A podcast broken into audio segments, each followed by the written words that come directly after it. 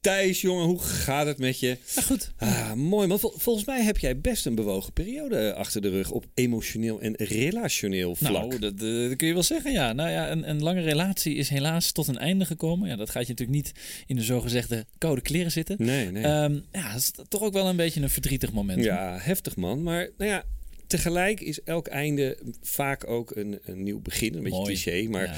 eh, en dan gaan we even heel snel met zeven mijlslaarzen door jouw laatste, wat ik al zei, bewogen eh, zes maanden heen. Maar lang verhaal kort, je bent ook weer voorzichtige stappen aan het zetten op het datingvlak. Ja, dat klopt. Je weet wat ze zeggen, hè? waar een deur dicht gaat, gaat ook weer een deurtje open. Ja, Thijs is een beetje back in de dating game. Zo. Maar goed, wel alles rustig aan, hè? niks overhaasten. Gewoon genieten van het, eh, ja, van, van het feit dat dat weer kan. De is back in the game. Houd je dochters en vrouwen binnen. Ja, ja, ja, ja, ja. ja, ja.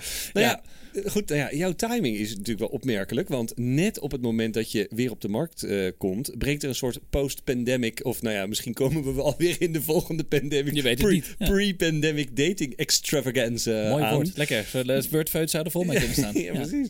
Maar goed, in een mooi artikel van NRC eh, van een tijdje geleden stond ook geschreven: Sex is back.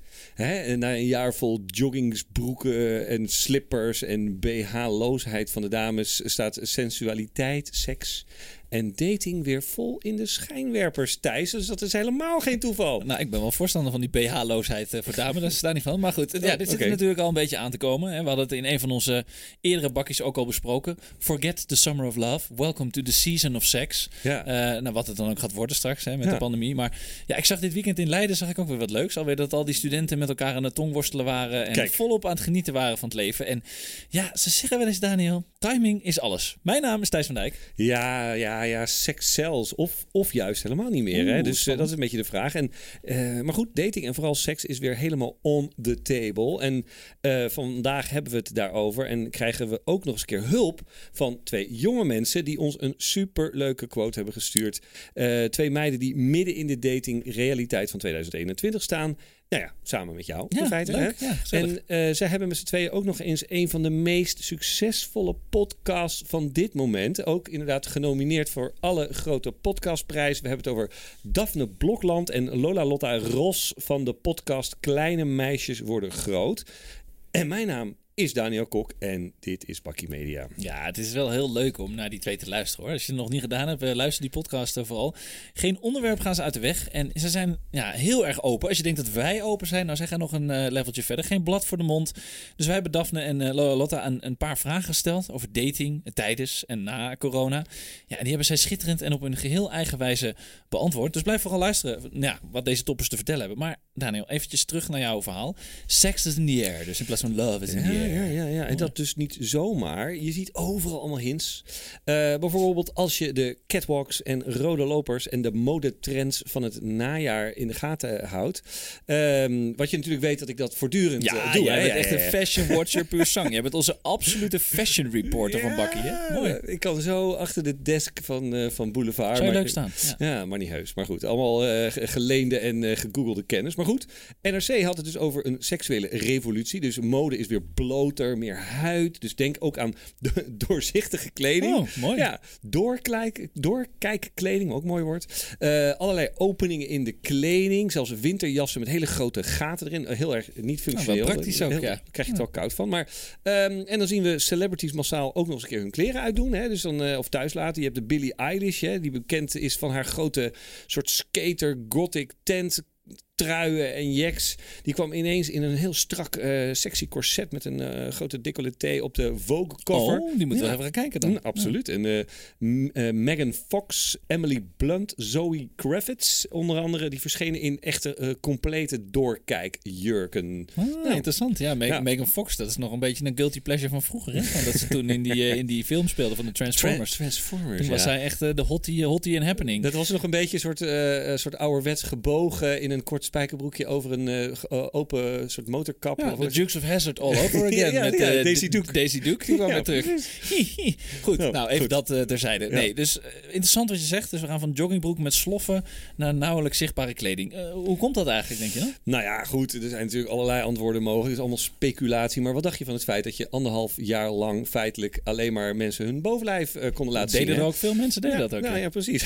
dan, dan onderop was het allemaal of bloot of niet om aan te zien. En Nou ja, goed, het ligt voor de hand dat na meer eh, een- dan een jaar opsluiting en isolatie velen verlangen naar fysiek contact. Maar eh, Oeh, ook dat, hoor. ja, precies. Maar dat je na een lange tijd opnieuw intiem eh, eh, zelf kennis maakt met je lijf. Hè, het helemaal prima vindt. Hè, dat je dan eigenlijk heel gewoon lekker met- jezelf bezig bent. Dat je, nou ja, goed, eigenlijk ben ik best wel oké. En dat je denkt, nou, deze, deze shit moet ik maar eens gaan, gaan tonen aan de wereld, weet je wel. En, en omgekeerd is het natuurlijk ook nog eens een keer zo dat merken en bedrijven eh, onwijs inspelen op de hitsigheid van de consument op dit moment. Oh, Dus dit vind ik een mooie trend. ja, het, het Mooi. versterkt elkaar een beetje, denk ik. Ja. Leuk, ja. Van inclusiviteit en diversiteit gaan we naar hitsigheid. Mooi hoor. Die, ja. Ja. en die doorkijkjurken van jou, die komen trouwens wel heel dicht bij dat prachtige bekende sprookje van de nieuwe kleren van de keizer. Hè, waarbij de keizer toen naakt rondliep en iedereen riep, oh, ah, wat mooi. En Wat hij liep, mooi, eh, keizer. Lekker, ja, hij liep lekker in zijn blote zwans eh, Ja. door, het, door het land te marcheren. Ja. Ik zeg, eigenlijk is dit het moderne sprookje wat is geboren. Ja, ja, ja, ja, bijzonder wel dat de, de wereld steeds meer genderneutraal moet worden, maar dat iedereen toch ook zijn best doet zoveel mogelijk van de geslachtskenmerken onder de aandacht te brengen, weet je wel? Dus eh, Interessant. ja, nou ja, dus goed punt. Eh, kleren van de keizer. Fashion van de herfst 2021 is dus je eigen huid. Lekker makkelijk. Ja, goedkoop ook. Ja, nou, daarom. En ehm, misschien heeft het ook wel met de waardeloze zomer van dit jaar te maken. Dat iedereen zegt, joh, ik ga gewoon net zo lang hier in mijn zwembroek of in mijn half naakt rondlopen tot die zon weer komt. Nou ja, Ja. wat je zegt, hè. Kijk, je kan deze prachtige mode natuurlijk niet loszien van de afgelopen anderhalf jaar. Dat velen van ons niet konden wachten om hun lijf letterlijk en figuurlijk weer in de strijd eh, te gooien. Nou ja, ook met, met of zonder eh, extra coronakilo's.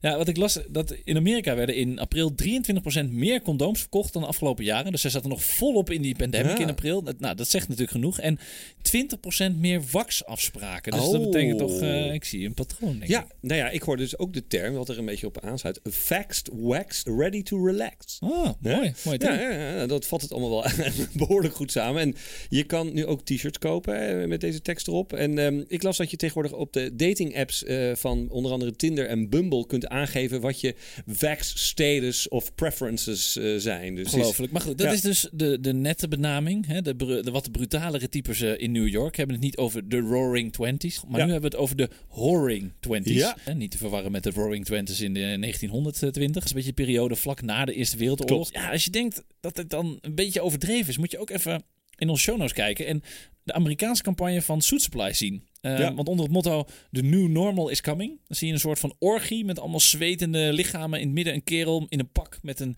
schaars geklede dame. En wederom bovenop hem die hem een flinke lik over zijn gezicht geeft. ja. Ja. daar zijn die campagnes in Nederland toch wel een beetje kinderspel bij. Denk je niet? Ja, een soort afgelikte boterhamcampagne kan je het noemen.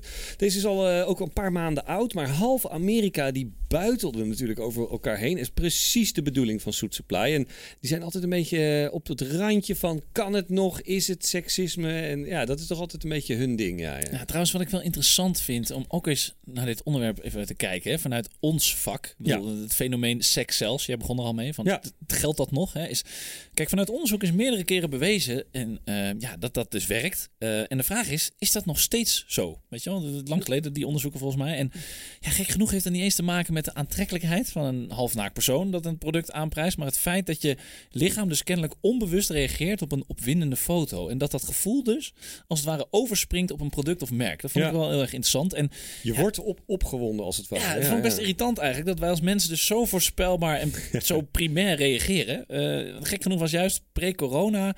Ja, daar vanuit onder andere ook de hashtag MeToo en de hashtag Times Up beweging. Een soort van tegenreactie op ontstaan.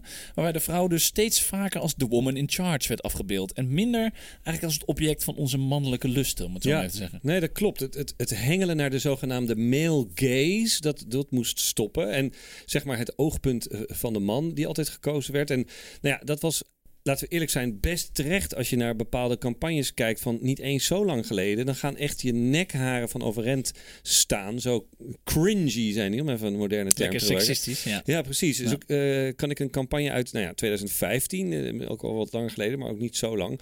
De- Zo'n campagne van Dolce Gabbana, kan ik me herinneren. En dat was een zogenaamde gang rape uiting. Je zag daarbij een soort van dame op de grond gedrapeerd liggen met een soort halfblote kerel erbovenop met zonnebril. En dan zaten er allemaal geoliede mannen ongeveer in de rij. Is het gek dat ik hier opgewonden van ben? Maar goed, dat was ook wel echt dat je zat je naar te kijken en denk je, wat is hier aan de hand, jongens? Waarom doen we dit? Ja. Maar goed, in die zin is die vrouw bovenop van Suit Supply, die dus die onderliggende man aflikt, wel al een hele verbetering. Nou ja, de rollen zijn omgedraaid, zou je kunnen zeggen. Maar eh, nou ja, ik laat deze even bij jou. Maar goed, in de kern was er dus inderdaad flink wat te verbeteren. En vervolgens kreeg je een aantal echt schitterende uitingen. Zoals het eh, eh, befaamde Dream Crazier eh, campagne van Nike. Die was echt geweldig. Moet je maar even in de show notes ook opzoeken. Ja, met de fantastische quote. Ja, it's only crazy until you do it. Ja. Ja, dat vond ik mooi. Vond ik heel mooi. Voelde ik heel erg. Er er zit wat in. Nou, dat was inderdaad, het kwam erop neer van dat eh, op, op het moment dat een vrouw met sport helemaal boos wordt of met de racket gooit of, eh, of heel erg kwaad wordt of gaat schreeuwen, dan, is ze, dan wordt ze gelijk als crazy gezien en niet als een gepassioneerde sporter of zo. En daar zit natuurlijk echt wel wat in. Maar goed, wat er gebeurde op een bepaald moment, kreeg je dus onder invloed van het hashtag MeToo gedachtegoed ook wel ineens hele belerende campagnes die ook een beetje gingen doorslaan. Hè? En dan had je op een gegeven moment de Gillette, de, de Gillette-campagne van 2019, die dan het fenomeen toxic masculinity introduceerde. En ze bedoelden het best wel goed, maar het ging dan ook over bij wijze van spreken jongetjes, twee jongetjes die het met elkaar aan de stok kregen op het schoolplein. Van, oh ja, nee, eh, weet je daar moeten we inderdaad ingrijpen. En, en mannen laten dat allemaal maar gaan. En, maar goed, dat was natuurlijk ook wel grappig. Want hun grootste doelgroep, dat, die waren mannen. En die kregen er in feite van Gillette flink van langs. Gillette die jarenlang de pitspoezen bij de Formule 1 sponsorde. En ehm, ja, dus die gingen dan eh, hun eigen doelgroep aanvallen. En nou ja, gevolg was 2 miljoen dislikes op YouTube. Dat is ook wel uniek als je dat voor elkaar Ja, ik, krijgt. ik blijf gewoon zeggen met Gillette, the best a man can get. Ik blijf dat echt een fantastische campagne Ja, vinden. Weet ja, je wel? Hou, dat, hou gewoon vast. Merkconsistentie. Weet je, ik had het dan laatst ook met, met Dorcas Koenen nog over. Die zei ook van de beste merken zijn de merken die gewoon consistent durven en blijven. Eh, en dat vond ik wel bij hun een van de meet- meest herkenbare campagnes. Maar goed, even terug over corona gesproken. Eh, waar de experts op dit moment nog niet echt over uit zijn, is het feit dat er kennelijk een corona babyboom is. Ja. In Amerika zagen we het al, zoveel procent meer condooms. Nou, dat heeft dan niks met de babyboom te maken. Maar goed, wij doen het Ja. dan eh, wat minder. Ehm, maar de mensen tegelijk ook aangeven dat ze minder zijn gaan seksen in deze periode. Hmm. Vind ik een beetje wonderlijk. Ik voel wel weer een complottheorie aankomen eigenlijk. Ja, nou ja, het zou het niet ook zoiets kunnen zijn dat het, dat het weer zo'n voorbeeld is van eh, vooroordelen in onderzoek. Hè, dus dat de zogenaamde biases, waarin we het vaker over gehad hebben. Zo van, nou ja, corona was heel erg irritant en heel erg stom en belemmerend. Waardoor veel onderzoekers er dan ook maar in hun stelling van uitgaan dat mensen zich ook lieten remmen in hun seksleven. De zogeheten conformation bias. Weet Ja, je, zo van, dan zeg je het maar gewoon omdat je het, hè, dat Ja. je er lekker eh, ervan af bent. Je, nou ja, je onderzoekt het om, om te bevestigen. En eh, misschien ja, zijn bepaalde stellen wel heel erg juist gaan cocoonen. Een beetje lekker met elkaar gaan, eh, gaan hokken. Ja, En- toen gingen die hokken open, er waren er ineens vijf. Ja, nee, precies. Maar dat moet ook haast wel. Want anders, eh, anders zijn, eh, is die babyboom, die komt ergens vandaan natuurlijk. Ja. Maar ja, het kan ook liggen aan, eh, aan, de, aan de mensen die meedoen aan dit soort onderzoeken, die gewoon negatief antwoorden. Terwijl de intimiteit eigenlijk alleen maar toenam in al die kleine huisjes. En dat Ja. toch een beetje een soort van corona-seksschaamte of zo. Ik denk niet Ja. dat, je dat dat gesprekken zijn die je hebt met elkaar. En dus dan antwoorden ze wat mij betreft wel op een vraag. Nee, nee, we deden het een stukje minder hoor. Nee, nee. Maar dat klopt dan eigenlijk niet, terwijl ze gewoon bezig waren. Ja, dat is inderdaad de zogenaamde response bias. Dat je het antwoord geeft wat iemand wil horen. En er zit natuurlijk ook mooi. Sociaal wenselijk gedrag nee, precies. En er zit, wat jij zegt ook, dat, dat stukje schaamte over je seksleven zit erin van... Nee, ja, ja, inderdaad. En gewoon meelullen. Ja, ja, we dat hebben was allemaal niks gedaan. corona. Nee, we deden ook niet. Gadverdamme. Ja, precies. Maar het kan ook zijn dat mensen veel gerichter zijn gaan schieten. Weet je. Dus dat het minder kwantitatief was, maar kwalitatief. Op het juiste moment pieken. hop. Bang! Ja, precies. Ja. Maar goed, Thijs, ik ben eh, natuurlijk eh, een beetje theoreticus. Sekstheoreticus. Maar goed, ehm, jij zit nou juist midden in de dating scene. Hè? Als je het hebt over eh, hè, dit, soort, dit soort onderwerpen. Net als onze quotes van vandaag. En we hebben dit bijzondere eh, duo podcast toppers dus bereid gevonden... om eh, nou ja, vooral over het eh, stukje dating hun licht te laten schijnen. Post-corona. Ja, we hebben hen gevraagd hoe het is om als jonge meiden groot te worden in 2021. En om dan volop in die dating game te komen. Dus take it away, girls. Ja, ik vind het verschrikkelijk. Ja, het is wel een beetje een gedoe. Het is te veel. Er is alles kan en Je alles ziet mag. door de bomen het bos niet meer. Ik vind die datings app, dating, datings apps ook best wel ingewikkeld soms. Het is heel oppervlakkig. Dat vooral inderdaad. Het is heel veel. ja, Het is allemaal in your face. Iedereen is aan het schreeuwen. Kijk hoe leuk mijn leven is. Kijk hoe mooi ik ben. Kijk hoe knap ik ben. Kijk, Mhm. ik heb echt geen filters gebruikt, maar je hebt wel filters gebruikt. Alles is, is aan het schreeuwen. ja. Vooral veel, veel gaat natuurlijk nu ook online, ook dankzij eh, corona. Ja. En Ik vind, het gewoon, ik vind het best wel moeilijk. Ik denk ook omdat er zoveel opties zijn om iemand te kunnen vinden online. Ja. Dat het, juist dat, dat ook meespeelt met het, met het oppervlakkige gedeelte. Ja, ik denk, ik, eh, als ik kijk naar quarantaine, de mensen die ik ben gaan daten tijdens quarantaine, die kende ik al via via. ja. Snap je? Dus zo zijn dat een soort van eh, mensen in mijn leven geworden. Want ik gebruik eigenlijk het internet niet meer voor dit soort dingen, omdat er gewoon Nee, snap ik. er gebeurt te veel, er is te veel. Mhm. Maar ja, je komt dan iemand tegen of via via en die ga je dan toch lopen stalken online. Ja. Ik vind het eigenlijk wel lekker. Ik date eigenlijk vaak met mensen die ehm, niet heel veel internet presence hebben. Als ik Oh, terugkijk, ik als wel. ik terugkijk ik naar, wel. naar het verleden, dat waren Ja. altijd mensen die echt best weinig posten. Maar ik denk dat dat ook ergens wel fijn is, want wij doen dat dan wel heel veel. En dan, dan blijft het toch een beetje in verhouding of zo. Je vult elkaar daar misschien toch een beetje op aan. Ja, nou, het is niet dat ik het niet leuk vind dat iemand het wel doet, Ja, maar Weet je wat ik trouwens wel echt mis? wat? Gewoon iemand in de club of in de, bij, de, bij een Ja. bar tegenkomen. Dan gewoon in een donker hoekje van de, van de zaal van een café. Gewoon even een potje tong worstelen. Gewoon, Ja, het is wel gezellig. dat is toch leuk? ja, dat kan niet tijdens corona. Nee, dat, dat mis ik nu wel een beetje hoor, die optie. Het gaat toch allemaal online en ik vind het toch wat minder. Je moet wel door dingen heen prikken en daar heb ik echt geen zin in. Oké, ja, interessant om dit zo allemaal te horen. Hè? En ehm, de dames zijn toch ook wel best wel kritisch over de dating scene Absoluut, eh, ja. op dit moment. En dan met name over internet als matchmaker. Hè? En dan wil ik je eigenlijk even vragen, eh, inderdaad, om dat even goed te herinneren. Want daar komen we zo nog even op eh, terug. Maar het kwam er eigenlijk op neer dat ze missen in feite de ouderwetse kroeg als matchmaker. Vroegen, we vroegen hen ook nog hoe ze nou omgaan met losse of vaste eh scharrels. Zijn, is de definitie van een scharrel niet je, iemand waarmee je meerdere keren seks hebt? Weet ik niet, maar ik, dus een, een, een Mm. losse scharrel, dat is een one-night stand. ja, Ja, dus het is het verschil tussen een one-night stand en scharrels. Ik heb sowieso liever scharrels, dus met one-night stands, daar weet ik niks van. Ik kan hier ook heel kort over zijn, want ik doe daar niet aan. Dat klinkt een Nee, beetje... Scharrelen is leuker dan one-night stands. Echt waar, kan je elkaar nog een beetje leren Bij kennen. mij is het echt gewoon Loki, gezellig flirten en dates doen en zo. En misschien, scharrelen. eh, ja, maar en dan daarna een relatie, maar niks ertussenin. Oh ja, jij bent er zo een. Ja, ik, zo ik heb wel veel scharrels. Ja, ik niet. Dus nee, hoe ga ik daarmee om? Niet. Ehm, ja, ik las ook ergens dat er in corona een tendens is ontstaan dat mensen minder scharrelen en harder richting een vaste relatie eh, bewegen. En dat zich, zet zich nu door na de pandemie en dat noemen ze dan apocalypsing. dat is een mooie term, toch?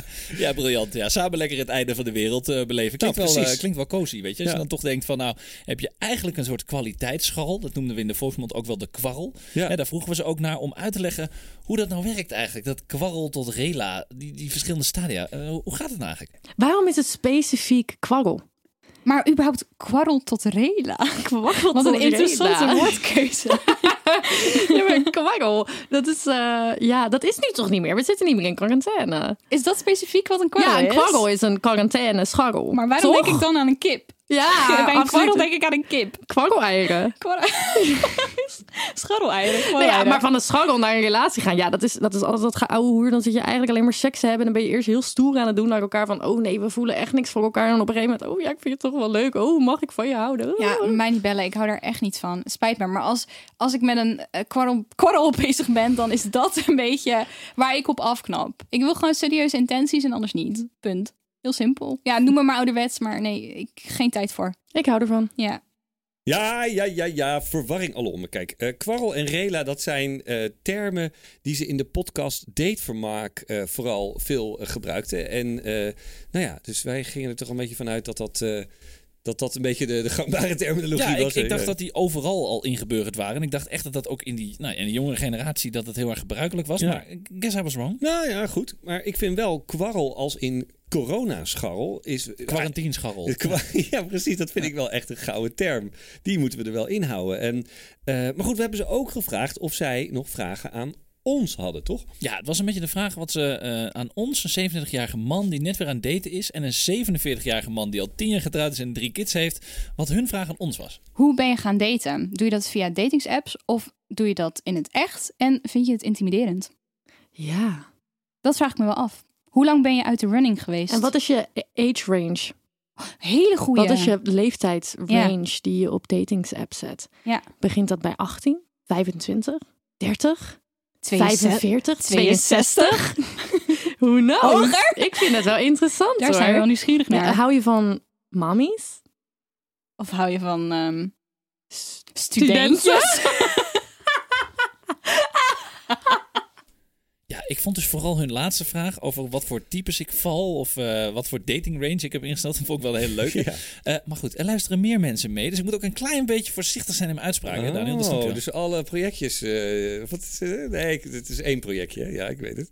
Ehm, ja, dus daters die herkennen elkaar. Hè? Dus die, die hebben net als de motorrijders een soort geheime ja, peace groet. Maar jij valt dus op studenten, begrijp ik. Nou, hmm, ja, dat is toch een beetje een verkapte vraag of ik opensta voor een date met hen, volgens mij. Want zij studeren allebei nog. Ja. Nou, dat is een klein beetje lastig. Kijk, zoals je weet, ik geef eh, les aan de HVA. En ik heb eigenlijk, heel, om heel eerlijk zijn, nog nooit echt een crush gehad op een van mijn studenten. Dus al ben ik natuurlijk ook Netjes niet hoor. ook ben ik natuurlijk ook niet blind hè, voor mooie jonge vrouwen. Zeker zoals Daphne en Lola Lotta. Ja. Eh, maar kijk, weet je het ook is? Ik denk dat ik vooral val op vrouwen die hun leven op een rijtje hebben. Intelligent zijn, spontaan zijn, initiatief nemen.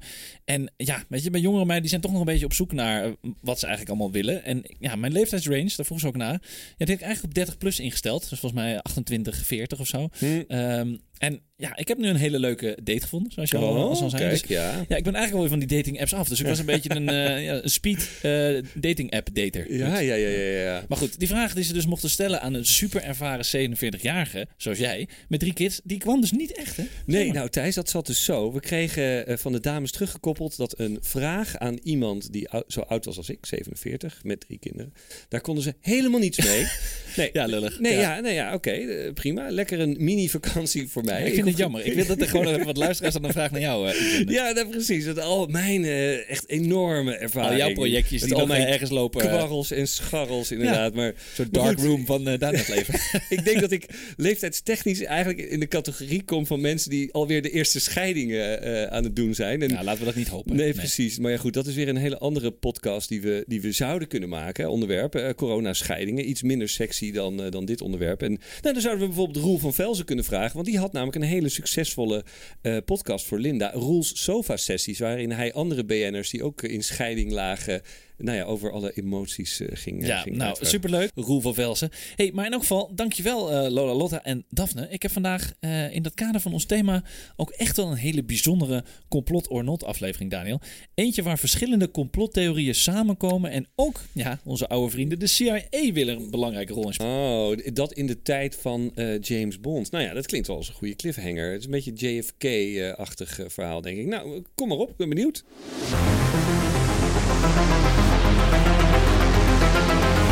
Complot. Or not. Ja, Daniel, deze keer gaat complot or not over mogelijk seksueel misbruik van de overheid in de jaren 80. Niet onze overheid, maar de Amerikaanse overheid. Er was in Amerika een secte genaamd The Finders. Zou ook een mooie serie kunnen zijn, weet je wel? Ja. Lost en The Finders. Ja. Eh, het speelt al meer dan 30 jaar en een belangrijke rol in verschillende complottheorieën. Het begon allemaal op een dag, 4 februari 1987, toen een vrouw uit Tallahassee, Florida, eh, de politie belde omdat ze een man in het park had gezien die met zes onverzorgde kinderen aan het spelen was. En hierbij bracht ze een theorie in de wereld over de betrokkenheid van de overheid bij het seksuele misbruik van kinderen. Nou, hoe zit dat dan? Nou, er zijn ook nog wat verbanden met de dood van Jeffrey Epstein, Amerikaanse pizzeria Comet Ping Pong, weet je wel? Oftewel ja, Pizzagate. Pizzagate, ja. En lees vooral dit hele verhaal is eh, bij Vice en onze show notes. is mega interessant. Maar wat is nou het verhaal? Ja, de Finders, een zelfverklaarde alternatieve commune, ook wel seksuele secte genoemd, bestond in de jaren 80 uit 20 volwassenen en 7 kinderen. En er was een leider, Marion Patty heette die. En die begon de commune eigenlijk met het doel om iets te kunnen leren van mensen over macht, geld en seks. Dus hij wilde gewoon zelf iets leren. En ja, je denkt nu, waar wil hij heen met dit verhaal? Nou, er zijn de afgelopen jaren verschillende documenten vrijgekomen over de activiteiten van deze secte. En volgens de theorie had die groep dus ja, nauwe banden met de CIA, die dus de gruwelijkste activiteiten van de Finders vakkundig in de doofpot heeft gestopt.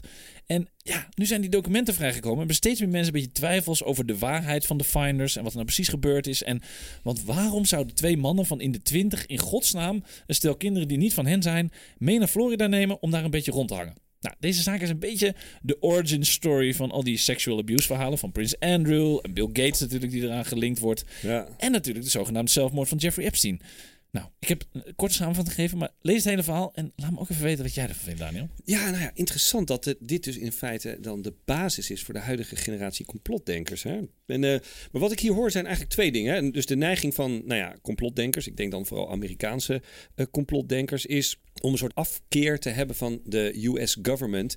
En om overal aan te nemen dat de regering overal zijn tentakeltjes in heeft Ja, dat zitten. hebben ze al sinds de jaren 50, jaren 60. Nee, precies. Het is ook een beetje de schuld van, eh, van de Amerikaanse regering zelf. Die ook daadwerkelijk overal zijn tentakeltjes in heeft zitten. Maar bij complotdenkers gaat dat dan van... er zijn allemaal ufo's verstopt ergens in een loods... tot inderdaad mensenhandel en kindermisbruik. En het andere is... dit hele verhaal speelt zich natuurlijk af in de jaren 70. En in die periode namen mensen het... eh, dat vinden we allemaal heel eh, echt extreem raar. Is het misschien ook heel raar. Maar die namen het allemaal niet zo nauw...